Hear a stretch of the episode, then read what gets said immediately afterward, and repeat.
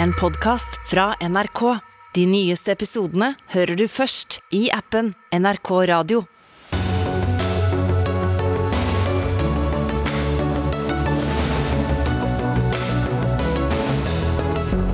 Uetisk at så få får eh, yrkesskadeerstatning etter covid-19-sykdom, mener Norsk Sykepleierforbund. Ni av ti får avslag på ordningen som skulle sikre helsepersonell som ble smittet på jobb. Hvorfor skal de ansatte i Forsvaret måtte gå av når de er 60 år? Det bør være frivillig, foreslår Høyre, men det vil ikke regjeringen med på foreløpig. Bør Den norske kirke fortsette med egne gudstjenester på 1. mai? Det kan virke ekskluderende, frykter en kommentator og teolog som selv tilhører venstresida. Og Rosenborgs første kvinnelige styreleder får store utfordringer. Hun møtes med krav om at landets mestvinnende fotballklubb skal ta tronen tilbake. Vel møtt til dagens Dagsnytt 18. Mitt navn er Sigrid Solund. De sto i førsterekken av bekjempelsen av koronasmitten og gjorde en uvurderlig innsats. Slik var begrunnelsen for at reglene for yrkesskadeerstatning ble gjort om for to år siden til også å gjelde helsepersonell som ble smittet på jobb, og som så fikk alvorlige langvarige virkninger av covid-19-sykdom. Mange av dem er sykepleiere, og du kaller disse vedtakene fra Nav uetiske, Lill Sverre Statter Larsen, du er leder av Norsk Sykepleierforbund. Hvor ligger det uetiske her? At her er det folk som har uh, måttet gå inn i situasjoner der de visste at det var smitte. Og de visste at det var en stor Leveranser av militærutstyr til Ukraina har økt de siste dagene. Flere... I begynnelsen hadde du ikke smittevernutstyr. Etter hvert så fikk du smittevernutstyr av særdeles varierende kvalitet, som ikke var kvalitetsgodkjent. Du fikk FaceMac fremfor FaceMask, f.eks., sto det på dem. Og så ble det på en måte en viss trygghet i at du visste at ok, hvis du er uheldig og får en long-covid, altså en, en, en yrkessykdom pga. at du blir smitta på jobb, så får du i alle fall muligheten til en erstatning gjennom det. Og Når vi da kommer til Nav her og ser situasjoner nå ett et og to år etter, og at kun én av ti får godkjent covid-19 som yrkessykdom, mot fire av ti ved andre sykdommer, så sier det noen ting om at fra Navs side at de bedømmer det langt strengere når det gjelder covid-19 som sykdom enn andre sykdom. Og Hva kan bli konsekvensen av det? Konsekvensen er jo at de her eh, selvfølgelig går ut av arbeidslivet og ikke har noe eh, De har jo stått i front med smitta, blitt smitta på jobb og får ikke det sikkerhetsnettet som ligger i en eh, yrkessykdomserstatning. Det er jo Nav som har tatt disse vedtakene, men Nav ligger inne under dere i Arbeids- og inkluderingsdepartementet, hvor du er statssekretær, Stian Nyhus. Uetisk hører vi her, hva sier du til det? Jeg vil ikke kalle det uetisk, eh, men det er klart at i den situasjonen som oss var oppe i, oss fikk eh, nye eh, retningslinjer, forskrift i forhold til covid-smitte i samfunnet i mars 2020 i forhold til yrkesskade, så er det klart at mange av dem som søkte på yrkesskade etter å ha fått covid, fra arbeidsgivers side, da, for at arbeidsgiver er egentlig pliktig til å, å søke hvis du får yrkesskade på noe som du tror eh, skyldes noe i, i, på den plassen der du arbeider. Uh, og Det har nok ført til meg at mange arbeidsgivere har fyrt det regelverket uh, og søkt når arbeidstakere har fått covid. Og så har han kanskje ikke helt visst hvordan dette her ville gå. Summe av oss som har hatt covid, har blitt relativt friske igjen, mens andre ikke har blitt det. Så det har blitt lengre perspektiv. Jeg prøver å skjønne hva du sier. Mener du at det er for mange som har søkt helt uten ja, det, det kan grunn? Være, det kan være, ikke uten grunn, men det kan være mange som har søkt som ikke eh, har hatt behov for det. Altså Det er derfor summen er såpass stor. da. Det kan være en av årsaken til det. Eh, og så må jeg si meg at det er lov å, Hvis at du har, mener at du har fått feil behandling, så kan en eh, klage. Og hvis at du blir syk i lengre tid etterpå, så kan du med ta opp igjen saken på nytt. Så jeg tror, no, bare, jeg tror Noe av forklaringen til at det er så stort volum, er at arbeidsgiverne har vært flinke og meldt inn eh, covid som yrkesskade, og så har han blitt frisk igjen Okay, Larsen. Det kan være en del av forklaringa, som du sier, og derfor så anbefaler jo vi også eh, våre medlemmer om å søke på nytt. Klage da på å søke på nytt. Men det er ikke hele forklaringa. Og det er noe med at Nav, om det er ressurser, eller om det er at de vurderer covid-19 som ikke så alvorlig, eller ikke tar det på alvor, eh, det vet jeg ikke. Men det er jo sånn at når vi kommer inn altså De, de har en opplysnings- og veiledningsplikt fra Navs side som de helt tydeligvis ikke fyller opp. fordi at når vi da kommer inn og hjelper våre medlemmer, så ser vi at vi, da er det fire av ti som får godkjent eh, det som yrkessykdom. Altså hvis man klager? Hvis du klager, sånn som får hjelp gjennom, eh, gjennom våre folk. Men egentlig er det jo ikke, det er ikke våre advokater som skal gjøre det her, det, og det gjør vi jo selvfølgelig gjerne for våre medlemmer. Men det er egentlig en opplysnings- og en veiledningsplikt fra Nav, som de egentlig fungerer da mer som en portvakt eh, for yrkessykdom enn å veilede. Det, det er jo tre kriterier som var på plass her. Det er positiv test, som ikke er hjemmetest. Det er en stor smitterisiko på jobb og gjennomgått sykdom som må ha gitt alvorlige komplikasjoner. Men hvor lett er det å si at noe skyldes covid-19, hvis, hvis det er diffuse symptomer som kanskje kan skyldes noe annet? Man må ta det i den situasjonen vi har hatt, eh, og der vi har stått i den smitten sånn som vi har gjort. Og det er klart, når vi ser at det er ikke noe forskjell på um, Altså det er én av ti, uavhengig hvilket yrke du, du, har vært. Om du har vært en snekker eh, uten pasientkontakt, eller om du har vært sykepleier med helt nær pasientkontakt, så får du likevel ikke større sjanse for å nå gjennom et yrkessykdomsvern eh, da her, da gjennom Nav. Um, så, så, det er det ene. Mm. Ja, så Burde det vært mindre strenge krav til de som er sykepleiere, da? Det er klart at det må ses i en kontekst, ikke bare sykepleiere, men helsepersonell og annet som har stått i en helt klar smittesituasjon. Det er forskjell på andre som har hatt et hjemmekontor, og dem som var nødt til å være på jobb. Det, det her er jo på en måte, vårt vern. Det er ikke sånn at hvis du kom på en, en, en byggeplass, og så var det stillasj som ikke var på plass, så kunne du gå hjem. Det er ikke her. Her var det på en måte eh, smittevernutstyr som mangla. Vi var nødt til å gå inn i de situasjonene likevel, og så får du ikke godkjent yrkessykdom. Men skal man fire på kravene for enkelte yrkesgrupper? Det er jo ikke kravene du skal fire på, men det er en skjønnsmessig vurdering av reelle smittesituasjoner. Vi, har jo, vi ser jo mange tilfeller av våre medlemmer som, der du har flere leger, også fra spesialisttjenesten, som viser til at det er stor sannsynlighet for at du har blitt smitta på jobb, og likevel Nav da ikke godkjenner. Og PCR er jo også en I begynnelsen fantes jo ikke PCR-test, og vi, fikk, vi, hadde ikke tilgang på PCR-test. Og Det var jo det ene eksempelet vi hadde i NRK i dag tidlig. En som helt tydelig har vært uh, veldig syk, uh, men som da ble smittet så tidlig at det ikke var mulig å få en positiv PCR-test. Hvorfor skal det da være et krav når det er nærmest umulig å, oppfylle? Nei, altså Han eh, kan klage, som alle andre som er i samme situasjon. For at en må dokumentere at en har rett på, på erstatning. Det er det første.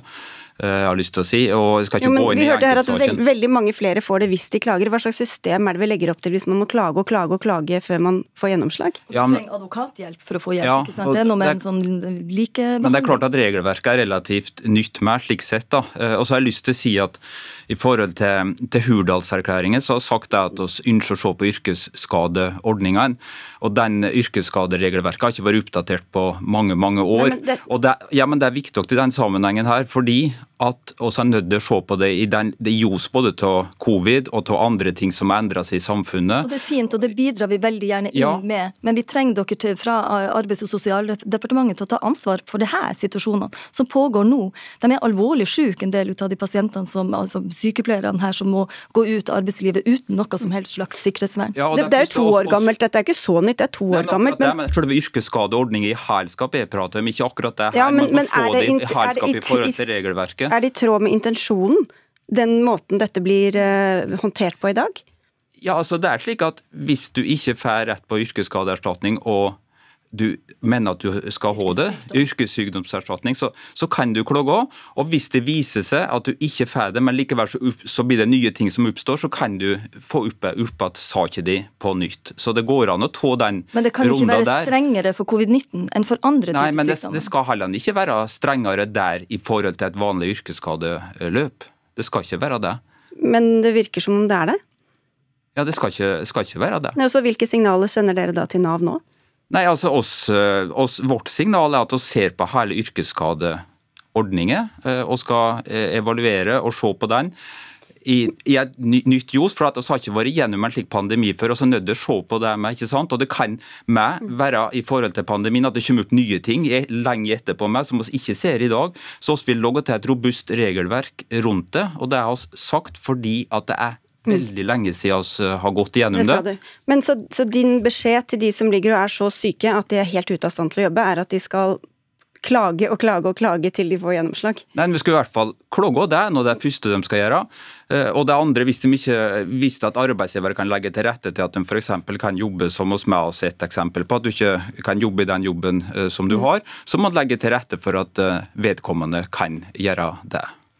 Det er derfor vi trenger dere fra Arbeids- og sosialdepartementet til å gi tydelige signaler til Nav om at de også oppfyller sin bistands- og veiledningsplikt. For de er alvorlig syke, de klarer ikke å gjennomføre det sjøl. De trenger opplysning og de trenger veiledning, og sånn at de fungerer som eh, Nav ikke fungerer som portvakt, men til hjelp. Nav skal gi dem rettledning i forhold til det. Vi skal takke av dere to, men før det går, eh, Sverre Statter Larsen, så må jeg bare spørre om en, en nyhet som kom eh, for litt siden her i NRK, hvor tillitsvalgte i Oslo mener at de har bevis for at fjorårets streik blant sykepleierne ble stanset på uriktig grunnlag. Det var jo da pga. fare for eh, liv og helse som var årsak til at den ble stanset. Hva, hva gjør dere med, med disse, disse bevisene? Det er jo den diskusjonen om vi har reell streikerett eller ikke, og det går også på Arbeids- og sosialdepartementet, som vi har eh, etterspurt flere ganger. Det heter en kontradiksjonsrett. Altså en mulighet fra, fra oss som ansatte og ansatteorganisasjoner til å gi tilsvar når, eh, når, eh, arbeidsgiver sier at hei, her er det fare for liv og helse, Arbeidstilsynet, nei, arbeids, altså statsråden på Arbeids- og sosialdepartementet må stoppe streiken.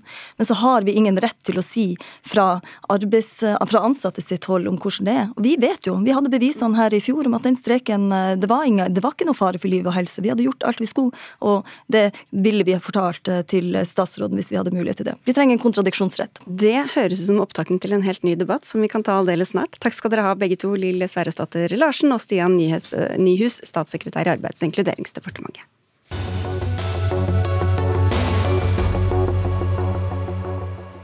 Regjeringen vil gjøre det vanskeligere å leie inn arbeidskraft midlertidig. Særlig har de ønsket å rydde opp i byggebransjen, men det blir også strengere regler for andre bransjer og yrker.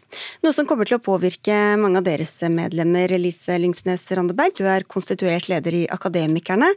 Og dere er positive til mye i forslagene, bare for å ha det på det rene. Men dere advarer altså på vegne av mange av landets konsulenter, og sier at lovforslaget faktisk kan føre til flere midlertidige jobber. Hvordan henger det sammen? Jo, altså vi, eh, vi får jo tilbakemeldinger fra våre medlemmer i den bransjen at de trives. Konsulentbransjen, rett og slett? Ja, konsulentbransjen. De har veldig gode arbeidsvilkår. De har faste jobber, de har ryddige vilkår, og de liker fleksibiliteten og det har muligheten til å skifte mellom ulike typer oppdrag. Og det vi er bekymra for nå, det er jo at de skal gå fra de faste, ryddige, ordentlige arbeidsforholdene over i midlertidige tilsettingsforhold. For den delen av lovpakka som vi er uenig i, det er jo det at du det er forslag om at du ikke skal kunne leie inn for kortvarige, midlertidige behov. Og da er det jo litt rart at regjeringa eh, går inn for et forslag som kan eh, gjøre at trygge, faste jobber går over til mer midlertidige jobber. Det bygger jo ikke opp under et tryggere og sikrere arbeidsliv. Snarere det tvert motsatte. Altså De som i dag er fast ansatt i et konsulentfirma, kan måtte begynne å jobbe, ta midlertidige kontrakter f.eks. i staten eller kommunen? Ja, for det er jo snakk om kortvarige behov og enkeltoppgaver som skal løses over kort tid.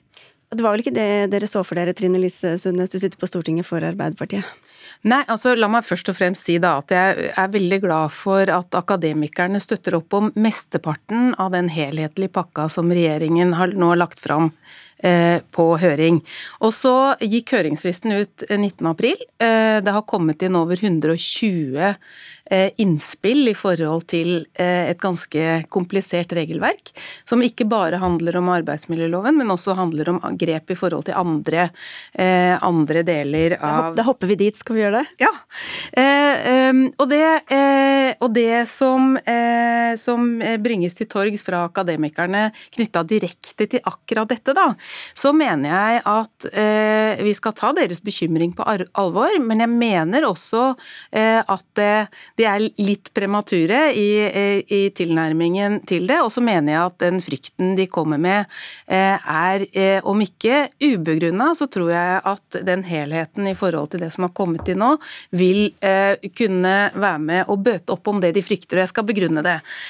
Fordi samtidig som akademikerne nå sier at vi frykter at de konsulentene som trives som konsulenter, nå blir tvunget over i et midlertidig løp. Så er det én, det er ikke det som er hensikten eh, med eh, lovforslaget. To, det er også sånn at det innføres en annen mekanisme som sier at det skal legges inn vurderingsmomenter knytta til Eh, når du kan bruke innleie kontra entreprise. Så vil det være sånn at det som er hovedinsekten med lovgivningen her, det er at de som driver en form for kjernevirksomhet, de skal kunne måtte eh, ansette folk direkte. Det støtter også akademikerne, det var vi veldig glad for. Eh, men så vil det jo være sånn at eh, det vil være tjenester som, eh, som en virksomhet vil ha behov for fra tid til annen, og det vil da kunne løses gjennom, gjennom en avtale. Ok, Randeberg, ble du beroliget? Nei, ikke helt. Eh, fordi altså, Det er jo en grunn til at vi går så tydelig ut nå, og er så tydelige i den høringa. Vi håper jo at vi blir hørt. Og vi er jo ikke den eneste aktøren heller som tar opp denne problemstillinga. Det er jo mange i bransjen også som bekymrer seg for det. Og det er jo eh, det er ganske komplisert og detaljert å gå inn i den diskusjonen om entreprise versus innleie. Nå skal det avklares regler for det, det er kjempefint. Men i en entreprise så gir du på en måte Da kjøper du en vare. Da kjøper du ei pakke, da gir du fra deg liksom prosjektledelse og alt. Og det er jo kanskje ikke det bedriftene har behov for. De har behov for det innleie, og våre medlemmer jobber i bedrifter som leverer den typen tjenester. Og dette er snakk om veldig, veldig mange tusen mennesker? Altså, Det er jo 130 000 mennesker i den bransjen, mange av dem er våre medlemmer. Men hva hvis de heller får fast jobb i stat eller kommune, hvorfor er ikke det bra? Altså Nå omfatter jo også det her privat sektor, så det vil jo også ramme f.eks. små gründerselskap som ikke har behov for en hel stilling osv. Men eh, det er jo fint med faste stillinger, men her snakker vi om midlertidige, kortvarige behov for kompetanse. Vi jo ønsker at offentlig sektor skal redusere konsulentbruken sin der de har varig arbeidskraftbehov. Men hvor skal grensa legges, Sunnes, for når man kan leie inn på kort sikt, og, eller kort, eh, midlertidig og ikke? Nei, altså dette er jo, Det er jo noe av grunnlaget for hvorfor man har høringer i dette landet. Det er fordi man har en målsetting om å rydde opp i arbeidslivet. Sørge for at vi ikke har en eh, situasjon hvor, eh, hvor 20 rørleggere plutselig får inn en innleid arbeidsstokk på 120 andre rørleggere. Eh, fordi vi ønsker å hegne om eh, et organisert arbeidsliv, og hvor det partene i arbeidslivet har hånd om arbeidslivspolitikken. Og det får vi bare til hvis vi har godt organisert organiserte forhold på begge sider av bordet, og da er vi også nødt til å legge til rette for at man ansettes i den virksomheten arbeidet utføres. Og så vil du ha gråsoner, og det er jo noe av det vi peker på i høringsnotatet, og som det nå har kommet innspill på. Så jeg er ikke så bekymra som, eh, som akademikerne er. Men ligger det ikke litt i sakens natur at en konsulent vil være behov for bare en viss periode? Uh, ja og nei. Uh, fordi det lovgivningen og det forslaget, da, sånn som det ligger nå, vil føre til, og der har akademikerne helt rett, det vil føre til at det vil være mulig uh, å Eh, altså det vil bli ledige stillinger, eller må, vil måtte lyses ut stillinger i stat og kommune i forhold til de etater som driver med en form for kjernevirksomhet, som i dag dekkes delvis eller helt av konsulenter. Det mener vi er bra, for den type eh, eh mangel på eh, kjernekompetanse i enkelte etater mener vi det er fint at de tar inn igjen. Men da tjener de kanskje ikke like bra som det de tjener i dag, Randeberg? Det er vi ganske enige om. Mm. Men det er de korte, midlertidige Eh, oppgavene som skal løses, så vet vi jo også at det er veldig stor etterspørsel etter akademisk kompetanse. Arbeidsmarkedet koker. Og det kan være vanskelig å rekruttere folk inn i de stillingene. Så da er man også nødt til å se på arbeidsvilkårene for akademikere. Vi snakker om spesial, spesialistkompetanse, altså spisskompetanse på et høyt nivå her. Men det høres ut som ikke det var helt hugget i sten, i hvert fall, at her kan det bli justeringer. Altså, for å si sånn, dette er arbeidskraft som, som Norge så til de grader har brukt for, også stat og kommune. Og gitt at vurderingsmomentene for entreprise er til stede, så vil det være en mulighet. Eh, og så vil det være en mulighet til å få en jobb i stat eller i kommune kommune, og det tror vi er bra. Eh, samtidig som noen av disse konsulentvirksomhetene kommer til å fortsette å leve i beste velgående. Da får vi se hvor dere lander til slutt. Takk skal dere ha begge to, Lise Lyngsnes Randeberg i Akademikerne og Trine Lise Sundnes fra Arbeiderpartiet.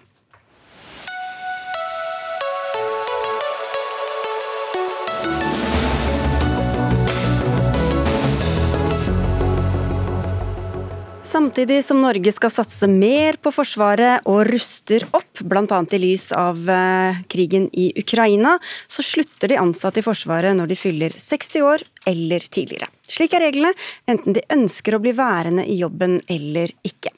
Den forrige regjeringen fikk fjernet plikten til å gå av ved særalder, som det heter, for nesten alle som har slike egne grenser, unntatt for Forsvaret. Men nå vil dere gjøre det også her, Anna Molberg. Du sitter på Stortinget for Høyre. Hvorfor er tiden inne for det nå? Tiden er inne for det, fordi eh, nå er det sånn at i Forsvaret så går man av idet man på en måte har nådd topp toppen av innsikt og erfaring som man har opparbeidet seg gjennom en lang forsvarskarriere. Og det mener vi er negativt, fordi dette er jo forsvarstopper som veldig gjerne kunne fortsatt å jobbe lenger, og veldig mange av dem sier jo også selv at de ønsker det. Åtte av ti ansatte eh, i Forsvaret sier selv at de ønsker å jobbe utover 60 år, og da mener vi også at vi må kunne legge til rette for det. Så vil jeg også legge til at i en urolig tid med krig i Europa, så er det veldig viktig at vi fortsetter å oppbygge forsvaret vårt, eh, og at det også da må innebære være at vi tar inn og beholder mye av den kompetansen som også seniorene besitter. De som vil. De som vil. Og hvem som skal ha særaldersgrenser, om de skal være frivillige og hvilken alder som skal gjelde, det har jo vært en debatt i mange år. Og for et par år siden så lagde du og flere med deg en kost-nytte-studie av å øke øke, var det da, særaldersgrensen i Forsvaret, Kari Rørenstrand. Du er sjefforsker ved Forsvarets forskningsinstitutt. Hva kan det få å si sånn rent samfunnsøkonomisk hvis de gjør noe med dette i Forsvaret? Ja, På oppdrag fra FD så vurderte vi ulike modeller for å heve denne særaldersgrensen, og vi fant at gevinsten den vil ligge et sted mellom 200 og 500 millioner årlig. Og de positive samfunnsøkonomiske virkningene her er jo økt verdiskapning og høyere skatteinntekter og lavere særalderspensjonsutgifter. Hvorfor tjener man penger på det, egentlig? Eh, jo, det er jo flere som jobber, da. ja, ikke sant? Få skatteinntekter i stedet for pensjonsutgifter. Enkelt sagt. Men hva kan det få å si for Forsvaret? Ja, for, for, Forsvaret er jo bildet mer sammensatt. For Forsvaret er jo en stor arbeidsplass med mange ulike oppgaver. Og noen av disse oppgavene krever robust fysikk og syke. Og i hvert fall den fysiske delen vil være vanskelig for noen av oss å opprettholde med økende alder.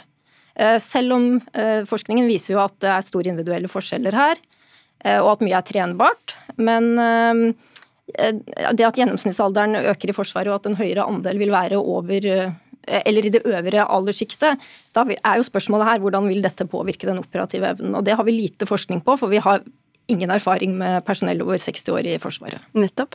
Jens Jaren, du er leder i Befalets Fellesorganisasjon. og Bare for å ta det overordnede først. Hvorfor skal ansatte i Forsvaret gå av før andre i det hele tatt? Nei, altså Særaldersgrensen og grunnene til særaldersgrenser er ikke endra ut fra de kom i forhold til en belastende yrke. Den har jo heller økt med tjeneste internasjonale operasjoner som har vært veldig krevende de siste årene. Eh, stor belastning i store deler av karrieren med operativ, både seiling, krevende øvelser i Hæren og ikke minst de krevende operasjonene vi har sett de siste årene. Så Det grunnlaget ligger der fast, eh, sånn som det har vært, og når også særaldersgrensen ble innført i Forsvaret for mange år siden. Mm. Hvordan ser du da på dette forslaget fra Høyre? Nei, altså vi, eh, vi, er jo opptatt av at det forslaget som ligger der nå, det på en måte eh, er positivt i forhold til at det gir en valgfrihet. Men samtidig mener vi at over tid, så lenge man ikke legger økonomi på det, så vil det i praksis være å fjerne særaldersgrensen. Og Da må man jo gå inn og se på hva som faktisk er grunnen til at man fjerner særaldersgrensen.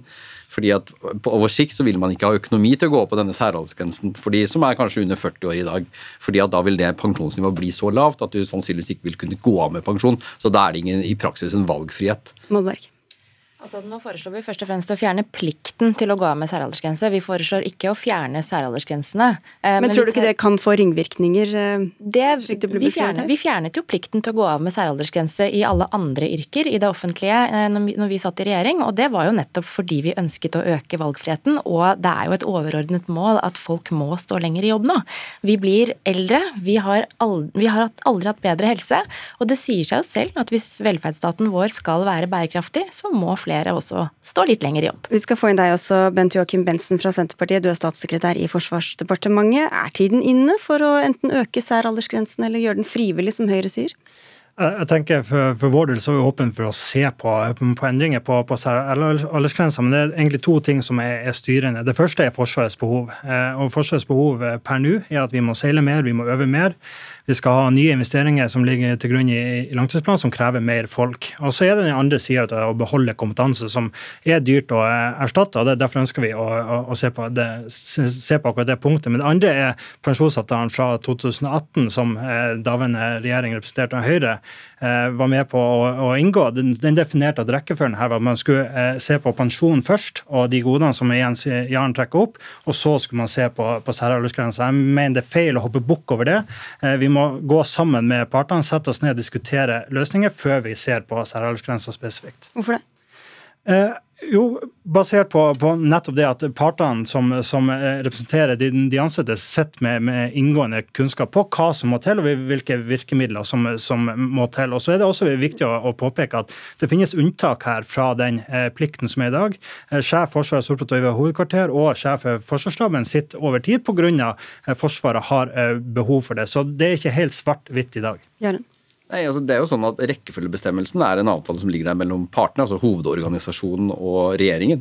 Og Vi er opptatt av at den skal følges. Og så har vi vært villige til å se kanskje en større sammenheng gjennom det. Og se både på særaldersgrenser og særaldersnivå, altså pensjonsnivå. Og Jeg tror det er viktig å se det nivået der sammen. Eh, og så er det også en ting her at veldig mange av Forsvarets ansatte har jo begynt i yrket med en særalder.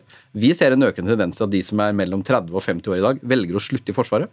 Hvis man øker særalder, eller fjerner plikten og legger til rette for det, så vil jeg tro at flere og flere av de som skal overta mens da nesten 2000 går av med pensjon de neste åtte årene, som er en stor kompetansetap. De, de, som skal overta, de velger å slutte å gå ut, gå ut, av Forsvaret. Vi ser en økende trend til det. Bare av våre medlemmer så slutter over 100 av de som er mellom 30 og 50 hvert eneste år i dag, og det er en økende trend. Så det ligger en fare her i forhold til å endre vilkår som mange har gått inn på, og likestille med resten av samfunnet. Samtidig så er våre medlemmer underlagt beordringsplikt, disponeringsplikt. De skal jobbe i Nord-Norge, de skal pendle, de skal være på tjeneste i utlandet. Så det ligger en fare her som vi skal passe på. Ja, Dere er jo ellers veldig opptatt av forutsigbarhet, eh, Molberg. Hva med de som har gått inn i Forsvaret i den tro at de kunne pensjonere seg ved 57, 58, 59, 60 års alder, og så kan de ikke det likevel? Det kan de jo, absolutt. Vi fjerner jo ikke retten til å gå med pensjon. Nei, men de argumentene dere kom med, de de er vel egentlig for en høyere særaldersgrense og ikke for denne frivilligheten? Vi er for frivillighet først og fremst, på akkurat samme måte som vi var i yrkeslivet ellers når vi fjernet plikten til å gå av med særaldersgrense. Og så vil jeg jo kanskje minne om at FFI har jo selv publisert en undersøkelse som viser at eh, forsvarstopper ønsker jo å jobbe lenger. Åtte av ti sier at de ønsker å stå lenger i jobb, og det mener jeg også man bør legge vekt på og imøtekomme. Men du sa jo nettopp at alle skal jobbe lenger, hvorfor skal ikke det da gjelde de forsvarsansatte? Alle som vil, kan jobbe lenger.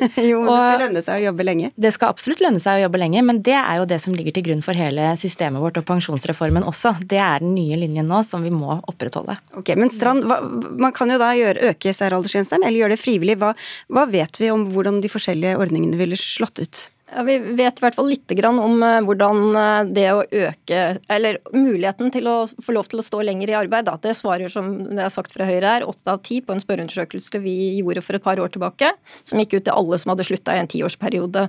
Og da sa åtte av ti at de kunne tenkt seg å jobbe heltid eller deltid i Forsvaret.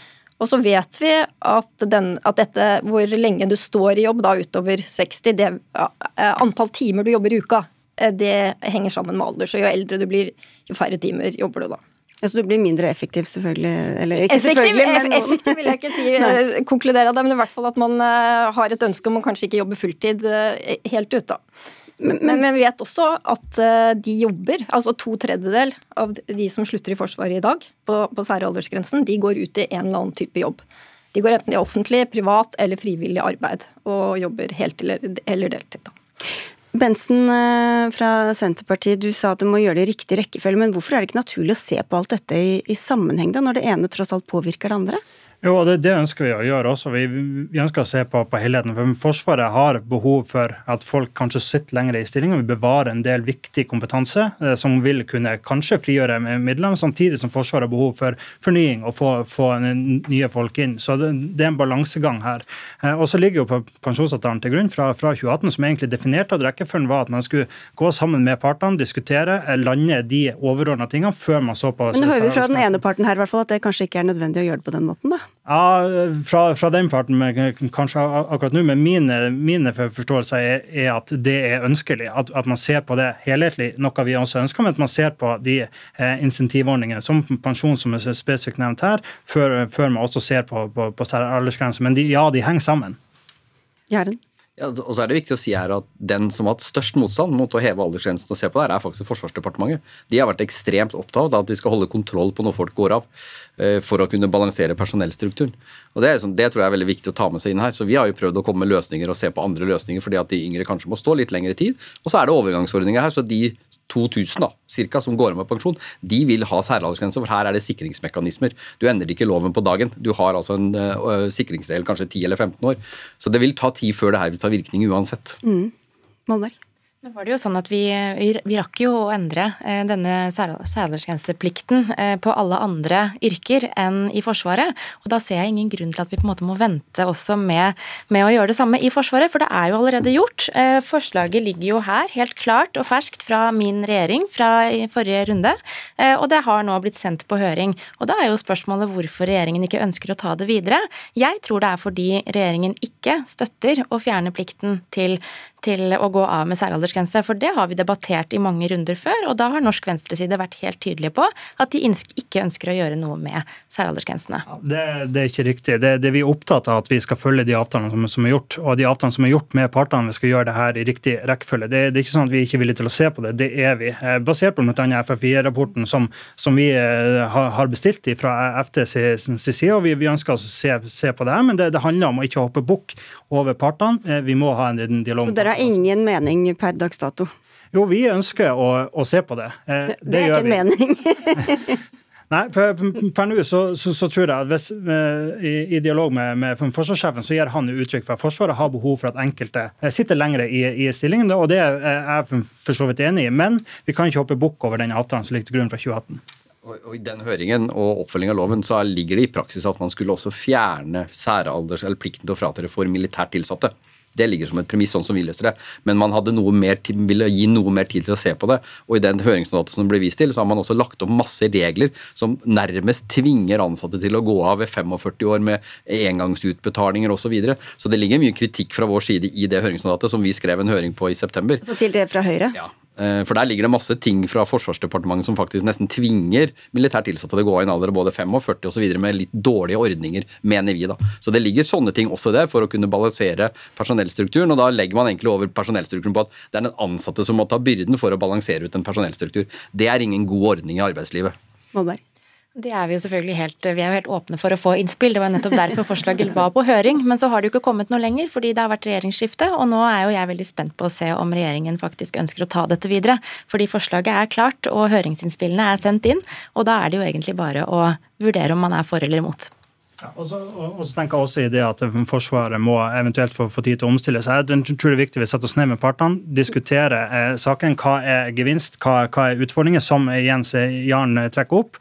Og så må også Forsvaret få, få, tid til eventuell omstilling hvis man skal eh, gjøre noe med det her. Vi er villige til å se på det eh, og, og, kanskje gjøre noe med det, men basert på det, en dialog med partene. Ja, men eh, til slutt her, Anna Molberg, altså, hvordan vet du at hvis dere gjør det frivillig, da, som dere ønsker, at de som blir uh, værende i jobb, er de som faktisk har godt av å bli værende i jobb, og de som er behov for i Forsvaret?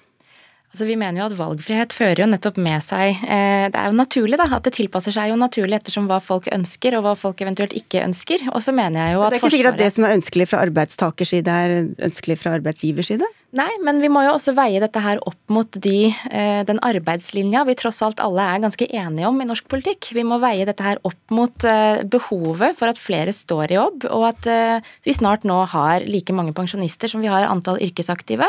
Det er blitt altfor jevnt, og vi må rett og slett sikre bærekraften i velferdsstaten vår. Og da må vi snakke om pensjon og stå lenger i jobb. Går det an å si, Kari Rørenstrand, hva som kan være av de ulike mulighetene her best, ut fra hva vi vet fra forskningen? Forskningen? Ja, Det er litt vanskelig å si, men eh, det er i hvert fall ikke noe i den forskningen som sier at man, eh, som sier at man bør være redd for å øke særaldersgrensen noen år, i hvert fall. Eh, og denne ordningen er jo ikke sett på siden 1970, så det, den er klar for å ristes litt i. Da får vi se hva som skjer når partene har snakket sammen. Takk skal dere ha alle fire. Anna Molberg fra Høyre, Bent Joakim Bensen, statssekretær i Forsvarsdepartementet, Kari Røren Strand, sjefforsker ved FFI, og Jens Jaren, leder i Befalets Fellesorganisasjon.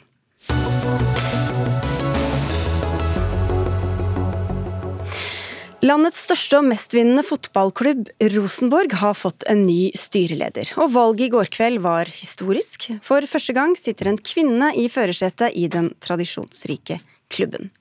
Men Utfordringene er store etter mye uro i RBK de siste årene, med mange sportslige nedturer. På 1990-tallet og tidlig 2000-tall tok Rosenborg 13 seriemesterskap på rad. I fjor ble laget nummer fem i serien. Like fullt får vi vel gratulere Cecilie Gottaas Johnsen, du er ny styreleder i Rosenborg ballklubb. Tusen takk. Det er flere av medlemmene i det gamle styret som du også satt i, som fortsetter. Hvorfor skal vi da tro på at situasjonen for Rosenborg kommer til å endre seg? Jeg tenker Du nevner jo at eh, det ble historisk at eh, det var en kvinne som tiltredde, men også historisk at vi fikk en fusjon. Så, eh, og med de, de, nye agendaene, så tror jeg, og med nye personer som kommer inn, og ha den kontinuiteten med, med enkeltpersoner som også fortsetter i det nye styret, så tror jeg det, summen av det vil på en måte sette en litt annen retning. Da, for at Rosenborg i dag, det er faktisk ikke det samme Rosenborg vi hadde i går. Hvilken retning er det, da? Ja, er å, å få fusjonen på plass. da. Nå er det jo det vedtatt av medlemmer på medlemsmøtet i går. Og Det betyr at en hel del eh, grep må gjøres for å få implementert fusjonen. Eh, den daglige praksisen skal integreres i større grad, så her er det flere ting som får falle på plass framover. Som jeg nevnte, så har det vært en del uro. Kyrre Røsjesæter, du er talsperson for grupperinga Falkenkameratene, som ble stiftet eh, i 2019. Du var på årsmøtet i Trondheim i går og stemte for Gottaas Johnsen som styreleder. Hvorfor var det behov for et skifte? Det er jo fordi vi virker å ha rota rundt litt eh, litt planløst, egentlig, i veldig mange år. Og det fikk man jo en, en slags bekreftelse på i eh, den adresseartikkelen hvor eh, Cecilie prata om en del ting. Hvor hun bl.a. nevnte at hun hadde etterspurt eh, strategi og handlingsplaner i klubben, og egentlig ikke fått noen gode svar. Og Det er jo den følelsen vi har sittet med, vi som sitter utafor styrerommet, i hvert fall, men, men i klubben. Hva slags svar er det dere har hatt ønske om å få, da? Vi ønsker oss vel egentlig mye av det hun har sagt nå. Så det er jo derfor vi gikk ut så klart for hun i, i forkant av årsmøtet også. Og det, det, har jo, det har jo gruppa til Espen også gjort. Vi, men, men, hva er det har vært rota med som dere har vært så mis, misfornøyde med? Vingling. Vi, altså strategivingling? Ja, vi, vi, vi, vingler i retninga vi tar. Vi, skal liksom finne opp eh, hjulet på nytt hele tida. Vi står ikke i en retning over tid fordi vi ikke tar oss tid til å finne ut hva den retninga faktisk skal være. Så, så, derfor så roter vi. Kjenner du deg igjen i det, Johnsen? Altså det, det, er jo planer der, og det er jo sportsplaner og det er noe retning, ikke sant. Men klart at det, det Kyrre sannsynligvis peker på, er jo at over tid så har det vært eh, trenerskifte, det, trenerskifter. Det har kanskje vært manglende resultater, og så skaper det både en frustrasjon. for klart at uh, Rosenborg har vist, uh, vist, en historie som er, har vært uh, en storhetstid. Og så har vi kommet dit nå at vi ikke klarer å, å generere de samme resultatene, men forventningene er der, og utålmodigheten er der. Og Ergo så vil man ha en, kanskje en tydeligere retning, som, som Kyrre peker på. Du nevnte Espen. Det er deg, Espen Viken. Du er talsperson for Kjernen, RBKs eh, supporterklubb. Du har sagt at eh, det har vært for lav eh, takhøyde. Hva sikter du til da? Du, når vi blir flere medlemmer, og det har vi heldigvis blitt de siste årene, flere medlemmer og mer engasjerte medlemmer, så blir òg følelsene dratt inn i den diskusjonen, store diskusjonen vi har i klubben. Og når styret da gjør en del valg over tid som viser seg å være ganske eh, dårlig for klubben, med uheldig sparking av trenere, med uheldige treneransettelser, så mangler vi i Rosenborg det viktigste for eh, supportere av en fotballklubb, nemlig suksess på banen. Det enkle og det dumme, og det kanskje det fine med en fotballklubb, det at med en gang man begynner å vinne, så blir problemstillingene mindre og konfliktene eh, lavere. Så det som egentlig har prega oss de siste årene, har jo vært eh, denne mangelen på suksess, som vi er ganske sultefòra på. Og vi gikk helhjerta inn for Cecilie i går, for vi mener at hun har potensialet til å rydde opp litt i det som vi kanskje opplever over tid har blitt rota til litt. da. Ok, Men er du enig med Falken-kameratene her, eller hva syns du om hvordan de har bidratt inn? Ja, jeg syns vel kanskje at uh, noen av Falkenkameratene spisser ting litt mye innimellom. og det er vel det jeg sier med takhøyde. Det må vi faktisk tåle. Vi må tåle en del ytringer. og Så eh, kan vi alle sammen vurdere hvis det blir for mye, og hvis det blir for tungt over tid. Eh, men vi må faktisk tåle ganske harde ytringer i den herlige felles idretten vår, fotball. Eh, vi skal ha stor takhøyde, okay. Eh, men vi må være glad i hverandre i bunnen. Hva sier du til det, Røsjesæter? Nei da, det, det, det, er ikke noe mye å krangle på det. Det som Falkenkameratene sier, det sies av Falkenkameratene sin egen plattform og sin kanal. Og så er det jo noen folk som tilhører det, og noen folk Eh, som eh, andre antar tilhører oss, som også sier ting. Og hva folk sier på en måte for egen regning, enten det er meg sjøl eller det er andre, det, det, kan ikke jeg styre der, da. Men hvorfor danna dere en egen gruppe i utgangspunktet? Det var fordi vi rett og slett ikke var fornøyd med den jobben Adressa og Nidaros, som jo kom det året, eh, gjør. Eh, vi syns det er for lite på en måte saker som går i dybden. At det blir litt for mye sånne lette klikksaker. Altså dekningen av Rosenborg? Ja, vi, vi, vi kunne jo egentlig ønske oss mer at uh, lokalavisene var mer vaktbikkjer for klubben. Altså De bryr seg om klubben, dem òg. Men uh, da må vi også passe på litt, uh, føler jeg. Nå er ikke de her, men du får mange godord her, Cecilie Gotaas Johnsen. Men hva, hva konkret vil du gjøre da for å få ro i rekkene, i den grad det er et mål for deg? Jeg tenker det, det, er litt viktig å ta signalene som, som de ulike medlemmene viser nå. Vi har jo medlemsmøter, og nå har jo de kanskje ikke vært så veldig operative de siste årene pga. covid. Eh, så nå har vi på en måte den fysiske møteplassen som, eh, som vi har med gjennom medlemsmøtene. Og det å lytte og få, og få fatt i hva er det egentlig folk engasjerer seg for, så er jo det, det et utgangspunkt for, for oss i styret. Og med det da, så tenker jeg at eh, møter du med, med involvering, med dialog, så kan man også være tydelig kanskje på kommunikasjonen. For jeg tror også den eh, kan bli bedre, nettopp for at man ikke kanskje alltid treffer på den kommunikasjonen som forventes. Så det er litt viktige grep som i hvert fall eh, vi har snakka om, som må på en måte være en del av prioriteringa framover. Men for å klare det, så må man jo se seg litt i bakspeilet også. Dere er jo altså eh, Med den historien, de økonomiske musklene dere har hvorfor, har, hvorfor har det gått så dårlig? Eller såpass ja, det, dårlig, da? Nei, det, det, det, blir jo en evaluering vi må ta læring av, tenker jeg. Jeg har ikke alle svarene på det. Men det, klart at det ligger mye læring i det der vi, fra historien vi har tatt, eh, mm. og de resultatene vi ikke har oppnådd.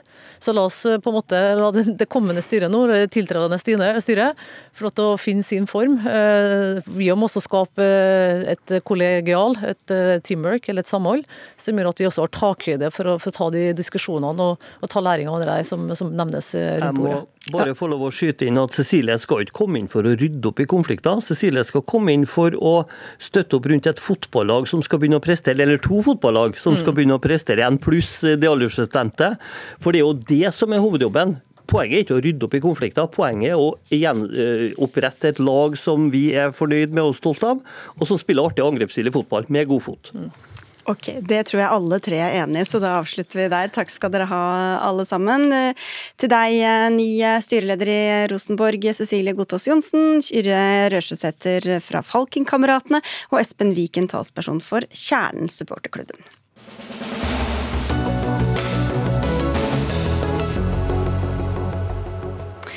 Søndag er det 1. mai, arbeidernes internasjonale kampdag, en offentlig høytidsdag og en kirkelig merkedag. Noen steder kommer kirkegjengerne til å få høre en eh, helt upolitisk, tradisjonell preken og gudstjeneste.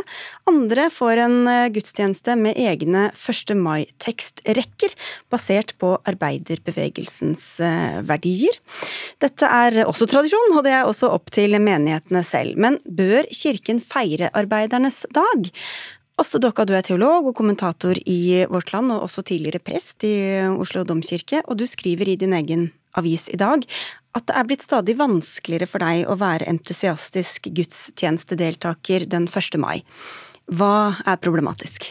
Ja, jeg har jo feira 1. mai-gudstjenester, eh, ikke som prest riktignok, men som deltaker, eh, og har selv hjertet mitt på venstresida venstre side av norsk politikk. Men det har slått meg at det er ganske spesielt at Norsk kirke har egne tekstrekker, egen bønn og altså et gudstjenesteopplegg for 1. mai. For de eneste andre høytidene, altså ikke-kirkelige høytidene som har den type ordninger, det er 17. mai og 6. februar. Så dette er jo en sjeldenhet. Altså 6. februar, samefolkets dag dag. Mens 1. mai har jo en sterk historisk og ideologisk tilknytning til én side av det politiske spekteret i, i Norge. Og jeg tenker jo at det er helt ok at lokale kirker eh, feirer, altså inviterer nesten hvem som helst til nesten hva som slags helst eh, gudstjenestefeiring, om det er eh, Rørosmartna når man har gudstjeneste sammen med handelslaget der, eller om det er start på jaktsesong når man inviterer jegerlaget til å komme, eh, eller om man, man, har en tradisjon for 1. mai-gudstjeneste i Saudal på Sagene, så er det helt i orden. Men når Den norske kirke sentralt vedtar en egen gudstjenesteordning, så uttrykker kirka noe som kirke med det. Og det syns jeg er ganske problematisk, for det er ikke noe balanse. Det finnes ingen dag hvor man inviterer NHO og Frognerkilden golfklubb til å komme og ha gudstjeneste i kirka. Eh, og da er det et ganske sterkt signal å sende når man eh, feirer, har en gudstjenesteordning nasjonalt for 1. mai. Ta på deg øreklokkene, så skal vi høre deg, Tor Berger Jørgensen, biskop og biskop emeritus. Du har holdt gudstjeneste 1. mai, og skal selv delta i Oslo domkirke søndag.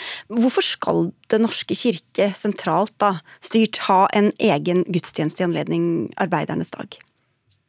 La meg bare først få si at jeg dessverre hadde jeg sagt ikke skal delta i domkirken nå. Jeg tror det er en referanse tilbake til for tre år siden eller noe sånt, da jeg var til stede og var med på en 1. mai-gudstjeneste i Oslo domkirke.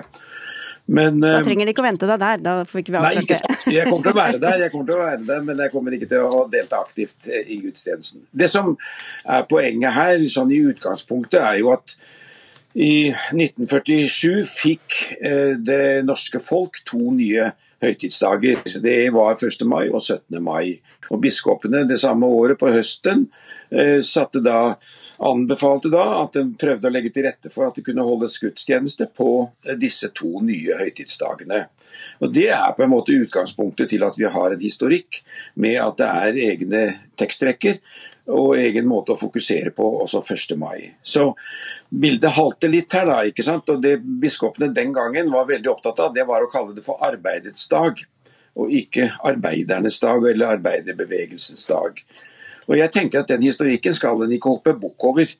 Og Hvis de andre anliggende som oss Åste her gir uttrykk for, skulle få en tilsvarende oppmerksomhet, så måtte det jo være at samfunnet vårt også da gjorde oppmerksom på det ved å gi det en høytidsdag. Så det er Utgangspunktet for diskusjonen er det. Det som er problematisk i år, er at 1. mai som det av og til hender, også er på en søndag. Og at folk som da kommer til en gudstjeneste, ikke vet nødvendigvis hva slags gudstjeneste den kommer til. På de vanlige 1. mai-gudstjenestene så er det markert som en tilknytning til 1. Mm. mai, så da er det mindre vanskelig. Men også Åste Dokka, nå har vi jo hatt mange debatter eh, hvor Kirken er blitt eh, beskyldt for å være venstreorientert. Hvordan kan dette bidra inn i det bildet, tror du?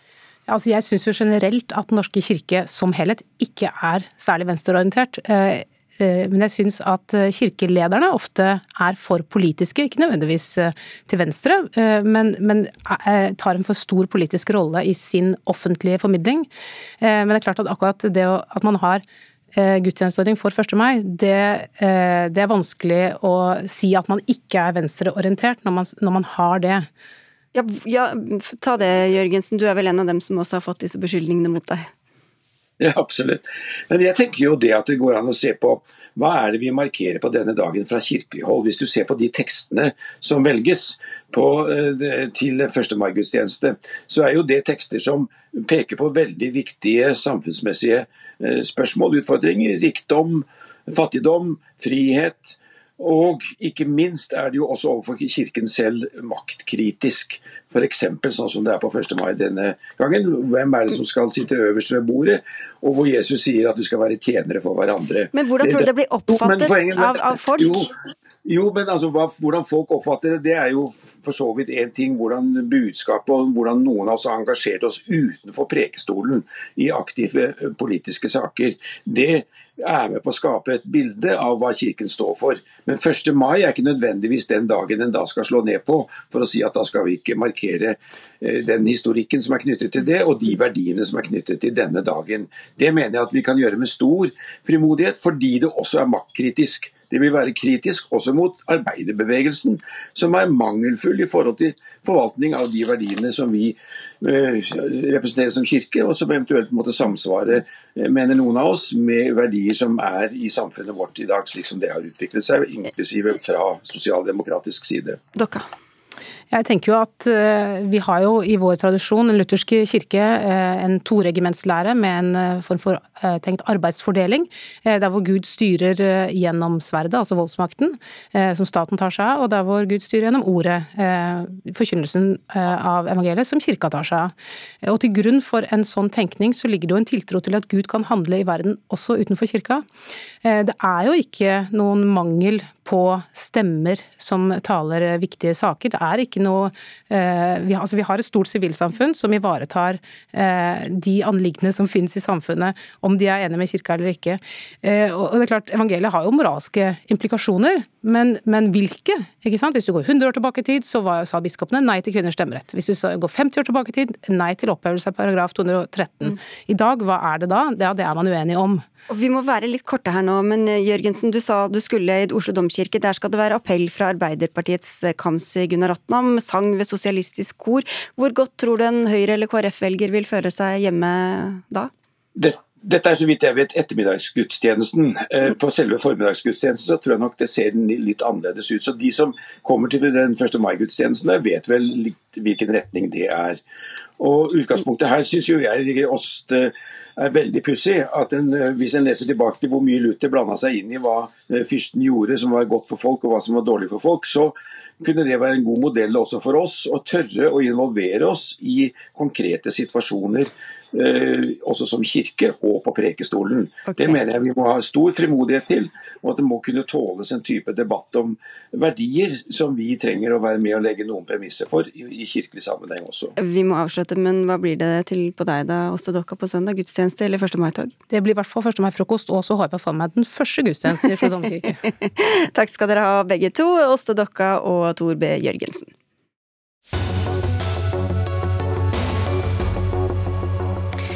Færre unge nordmenn vil bli lærere.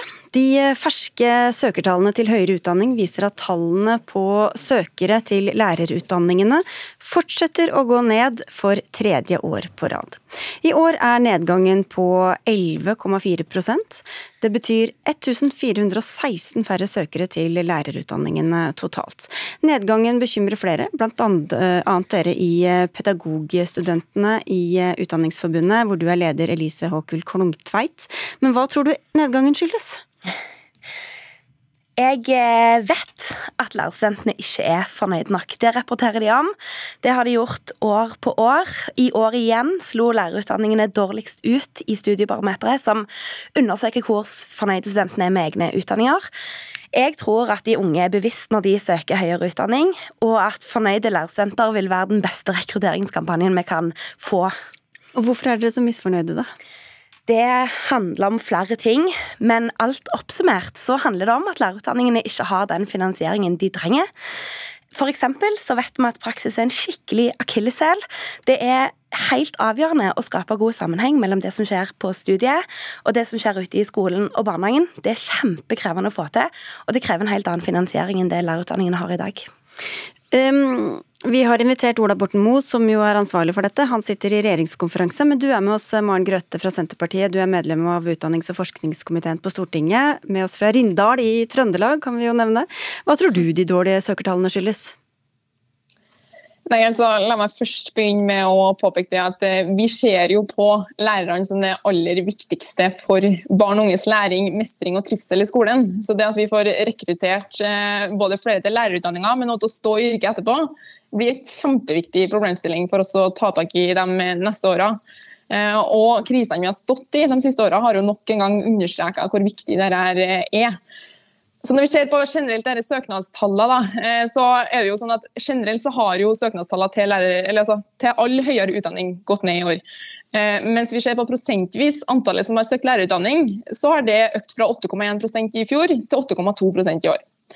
Men når det er sagt, så er jeg helt enig i pedagogstudentene at vi har en stor jobb å gjøre eh, for å rekruttere flere og gjøre lærerutdanninga enda likere, sånn at flere ønsker å søke på den. Eh, og Her slår Hurdalsplattformen fast at eh, vi skal ha en bred satsing for å sikre nettopp det. Så Vi er opptatt nå av å både få innspill fra pedagogstudentene, jeg hadde møte med dem blant annet forrige uke, eh, og Utdanningsforbundet med flere for å rett og slett få innspill til hvordan vi skal gjøre her framover. Men Klungtveit, hvordan vet du egentlig at det er dette du beskriver som er årsaken, og ikke f.eks. pandemien eller andre, andre årsaker? Det kan være mange årsaker, men vi har gjennomført flere undersøkelser. Både på lærerutdanningen helt spesifikt, og så gjennomføres det undersøkelser på høyere utdanning generelt, som viser at det er store utfordringer med studentene sin tilfredshet eh, i lærerutdanningene. Så da er det jo ganske nærliggende å konkludere med det. Men hva, okay, hva, hva konkret er det du etterlyser da fra Senterpartiet i dette tilfellet? Det er, det er, veldig bra at de har store ambisjoner i Hurdalsplattformen, men det som, er, eh, det som er et poeng, er at vi kommer ingen vei med gode ambisjoner uten at det òg møtes med finansiering. Eh, og det handler ikke om småpenger, det må, det må store penger legges på bordet og en ekte satsing på, på lærerutdanningene for at dette skal bli bra. Og Når kommer de pengene, Grøtte? Altså, først og fremst må jeg si at altså, Gjennom de seks månedene vi nå har sittet i regjering, så har vi starta den satsinga. Eh, det første vi gjorde, var jo å fjerne firerkravet i matte, som gjorde at flere nå kunne søke på lærerutdanninga. I statsbudsjettet så øremerka vi 10 millioner ekstra til å satse på rekruttering til lærerutdanninga.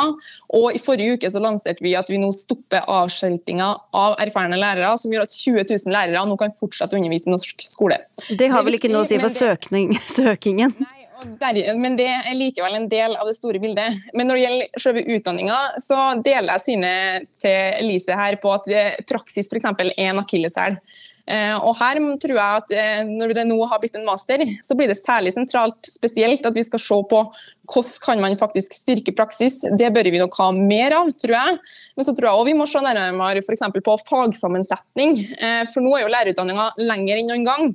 Men likevel så sitter lærerne igjen med færre fag de kan undervise i. Og det er jo en dårlig løsning for at lærerne skal kunne undervise i norsk skole i etterkant. Finansiering er selvfølgelig en del av bildet, og det må vi også ta med oss i de diskusjonene vi nå skal ha i tida framover. Bortsett fra penger, Klungtveit, nå hørte vi fjerne firerkravet mm. og satse på fagsammensetninger. Hva, hva, hva, mener dere må skje da? Mm. Ja, Det som er interessant, er at firerkravet er ikke fjerna. Selv om Hurdalsplattformen sier at det skal erstattes, så er det ikke erstatta. Men vi tror jo på ambisjonene og håper at det vil erstattes, har jeg sagt det.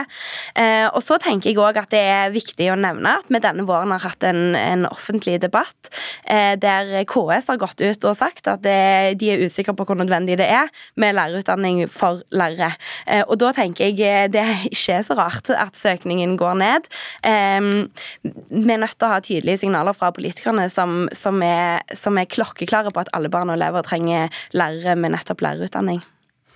Grøtte?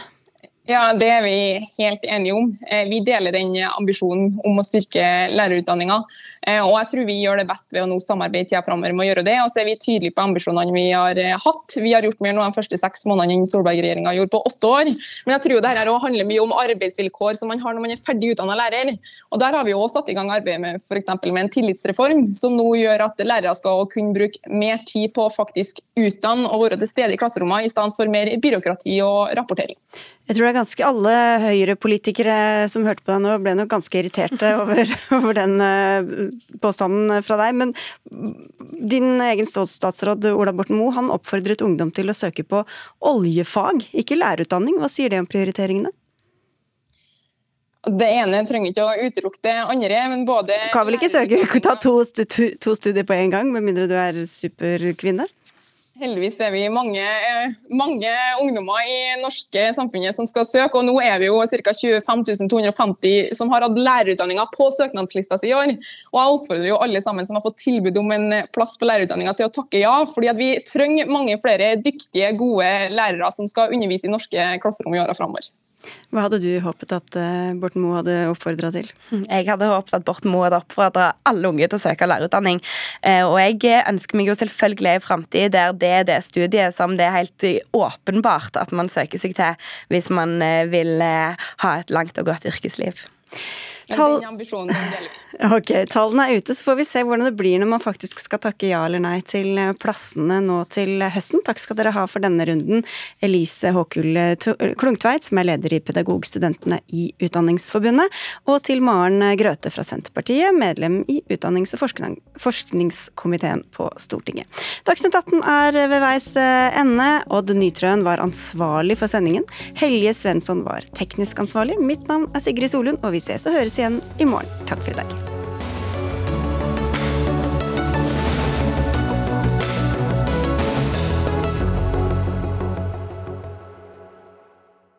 Du har hørt en podkast fra NRK. De nyeste episodene hører du først i appen NRK Radio.